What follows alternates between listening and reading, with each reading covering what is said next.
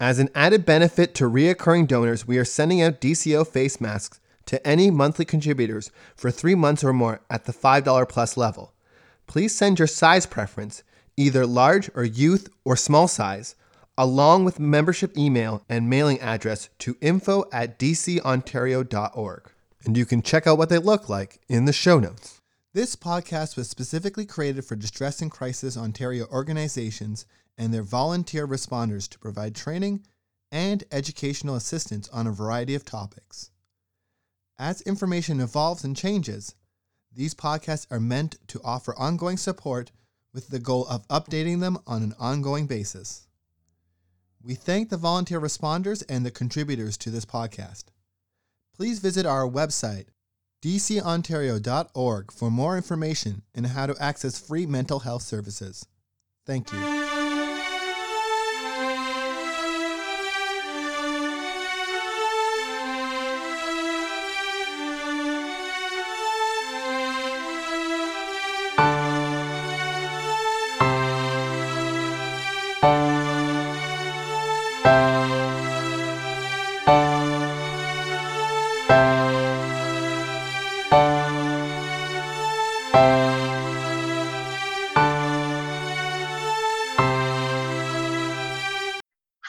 This is Caitlin Plant, Program Manager for Distress and Crisis Ontario. And this week I am joined by Lorna Anderson, a psychotherapist who's had the honor of working with folks who have a variety of cultural backgrounds and preferences. This week, Lorna is very kindly sitting down with me to talk about cultural intelligence. So, Lorna, for anyone who may not know what we mean when we say the words cultural intelligence, could you please explain what it is? For sure, Caitlin. So, when I'm considering cultural intelligence, it's really the ability of a person to be able to effectively interact, to work, and also to develop meaningful relationships with people of various cultural backgrounds. And then, sort of, the other piece of that is really to ensure that all individuals and groups feel heard, included, and that each individual takes actionable steps to correct any sort of personal and then also on a systemic level, any biases that may exist or assumptions that may exist that that creates the environment where cultural intelligence does not exist. So yeah it's important i think to define culture when we're talking about cultural identity. So when we're thinking about culture culture often refers more to race than ethnicity but it also encompasses gender identity sexual identity socioeconomic status cultural preferences spiritual and religious preferences lifestyle choices ability, political preferences, you know, citizenship status, etc. And these, these are also referred to as psychosocial locations. And when we're thinking about psychosocial locations, it's also important to think about um, intersectionality of those psychosocial locations. So the interconnected nature of somebody's psychosocial locations and how when they're overlapping and interdependent on each other, it can create overlapping and interdependent systems of disadvantage and discrimination. So it's really just all of those little things that come together to make the person who they are and, and kind of encompasses everything that they celebrate and all the things that kind of matter most in their lives. Exactly. So, why is having cultural intelligence something that should be important to everyone? Sure. I so yeah, there's a number of reasons. I think probably the most important is that it prevents us from from causing harm to others. So it decreases incidences of marginalization, oppression, discrimination, racism, genocide, bullying, just any sort of type of exclusion and or sort of division. So I think that's probably the, the, the most important piece is that it really uh, supports us in not harming other people. Additionally, it you know it can expand our worldview in terms of using multiple perspectives versus having this one sort of dominant lens the sort of you know dominant worldview of sort of colonization that gets challenged then right it's like oh like maybe this isn't the ultimate truth it increases our ability to respond to things creatively so again not thinking there's just one way of looking at this you know there's multiple perspectives to consider yeah i think those are important reasons why cultural intelligence is important for us to to be mindful of I honestly had never thought of it before from the creativity aspect. So I like that you included that in there. Yeah, it kind of just opens up your world to all these other possibilities. Absolutely. Mm. Yeah, absolutely. Yeah, so you definitely touched on some of them there, but are there Mhm. any other major benefits of gaining cultural intelligence? Yeah, I was thinking about was thinking about this earlier today, and there's I think just sort of like an increase in inclusivity. And that in my mind can result in a lot of sort of personal but also collective healing you know i think within ourselves within our communities and within the world at large i think and unification or recognizing the value of, of these diverse experiences and, and, and valuing cultural preferences and cultural norms equally even if they're different from your own there's i think an opportunity for a collective wisdom in that. Yeah you think differently about this or you approach this differently and that's fantastic because that teaches me something. And then also really just i think personal like expansiveness and, and and growth like internally like leaning into your own sort of personal biases and and preferences and and recognizing like again this isn't the end all and be all. And there's opportunity there i think for for a lot of sort of personal development and and expanding ourselves as individuals into into more open-minded more collectively sort of focused individuals Yeah, I like what you said there that yes, you have a different perspective than me, and that makes us stronger. Like it, Yeah. it means that we can cover more ground and include more people, and it, there's nothing that makes us weaker by having more experiences shared. yeah exactly mm-hmm. exactly So, what is the best way to ensure that our approach to learning is respectful of the culture that we're trying to learn about? Yeah, I love this question. I think it's really important to listen. And that's the place where I think we all need to start. So listening to the stories and hearing the experiences of others with, in, with inclusion of their sort of their potentially multiple social locations and what that experience is for them. Also sort of being being very self-aware. So I've already mentioned sort of our own personal biases and assumptions, but being self-aware regarding those things and regarding our cultural preferences and norms and again acknowledging you know i'm coming into this like open-minded i'm not going to come into this and, and try to impose my values and my norms onto this other individual which again results in potentially in harming another person. I think also no matter how many books we might read if someone's cultural preference or cultural norm or the culture that they come from is different from ours no matter how many books we read or papers we might read or experiences we might have in interacting within that culture recognizing that the individuals within that culture they are the experts. They are the experts. They have lived experience and they have much to teach us. And i think that that is super duper important in building um, relationship with with individuals who have different cultural preferences and norms. Um, it's also really essential to not pretend that we know everything about a Mm. cultural preference or norm or culture that's different from our own. And I think sometimes when folks feel like they should know more or are concerned that they don't know enough, that that can sometimes happen. That sort of, oh yeah, I'm just going to act like I I get this all, and I think that can be really really harmful. So being open to asking questions, being open to engaging, being open to wondering and being curious, I think those are are really important uh, ways to sort of be respectful when engaging with with and learning about different cultures and cultural preferences. And then i think i think these are all important but i think one of the most important is again recognizing that sort of dominant lens worldwide of, of the colonizer and recognizing that that is very pervasive in in most if not all societies and that that is recognizing that as a singular point of view.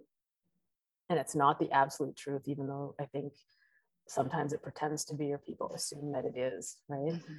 so acknowledging that as you learn that there are a multiplicity of angles to sort of angles and perspectives from which to see see the world through Yeah, and I think, like you said as well, in acknowledging that we don't know everything about any one culture, we need to acknowledge that we don't know everything about our own either, yeah because every individual brings their own perspective. So even if you're coming from a place of looking at your own culture, people in your family probably even have a very different awareness of it from what you do. Yeah. So when you're trying to learn about new cultures too, kind of understanding that talking to one person also isn't going to be enough because Yeah. everybody's going to bring a different perspective. Yeah.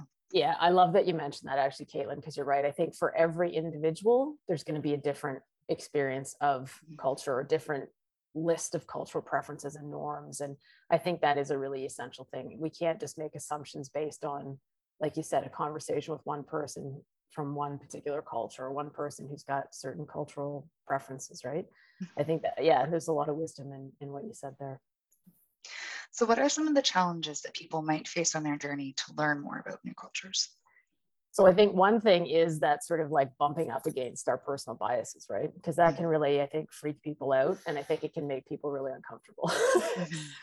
So I think being able to be in your own discomfort is a really, you know, valuable thing when we're being introduced um, and learning about new cultures. I think also if the culture that you may represent, and again, like you said, everyone is an individual and everyone's experience of their culture is going to be different. But if you sort of represent the culture, a culture for, that has hurt potentially maybe the culture that you're trying to learn more about, there can be a lot of issues and questions around can I trust this person? Like, what is this? Why is this person asking so many questions?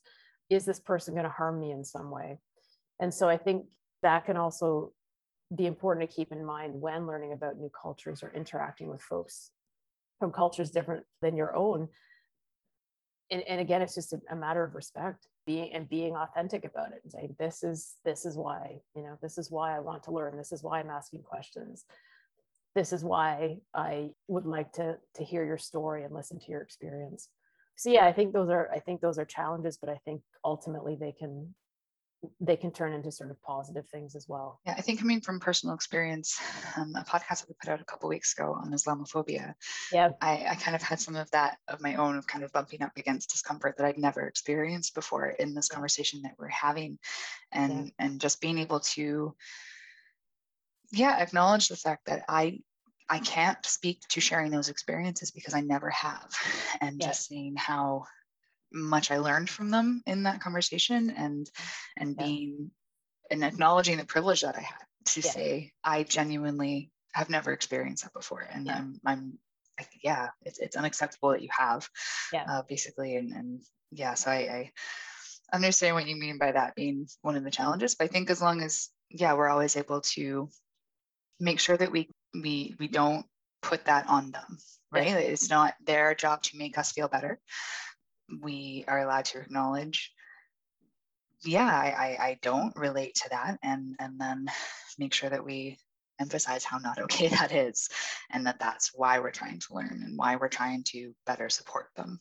Yeah i think like you hit the nail on the head just in terms of like the concept of walking alongside people mm-hmm. right and as a psychotherapist i feel like that's what i do all the time it's like i'm walking alongside you and i'm honoring your journey but i'm also not going to pretend that if I don't have that shared experience or I don't, you know, come from that same place, I'm not going to pretend that I, you know, that I get it.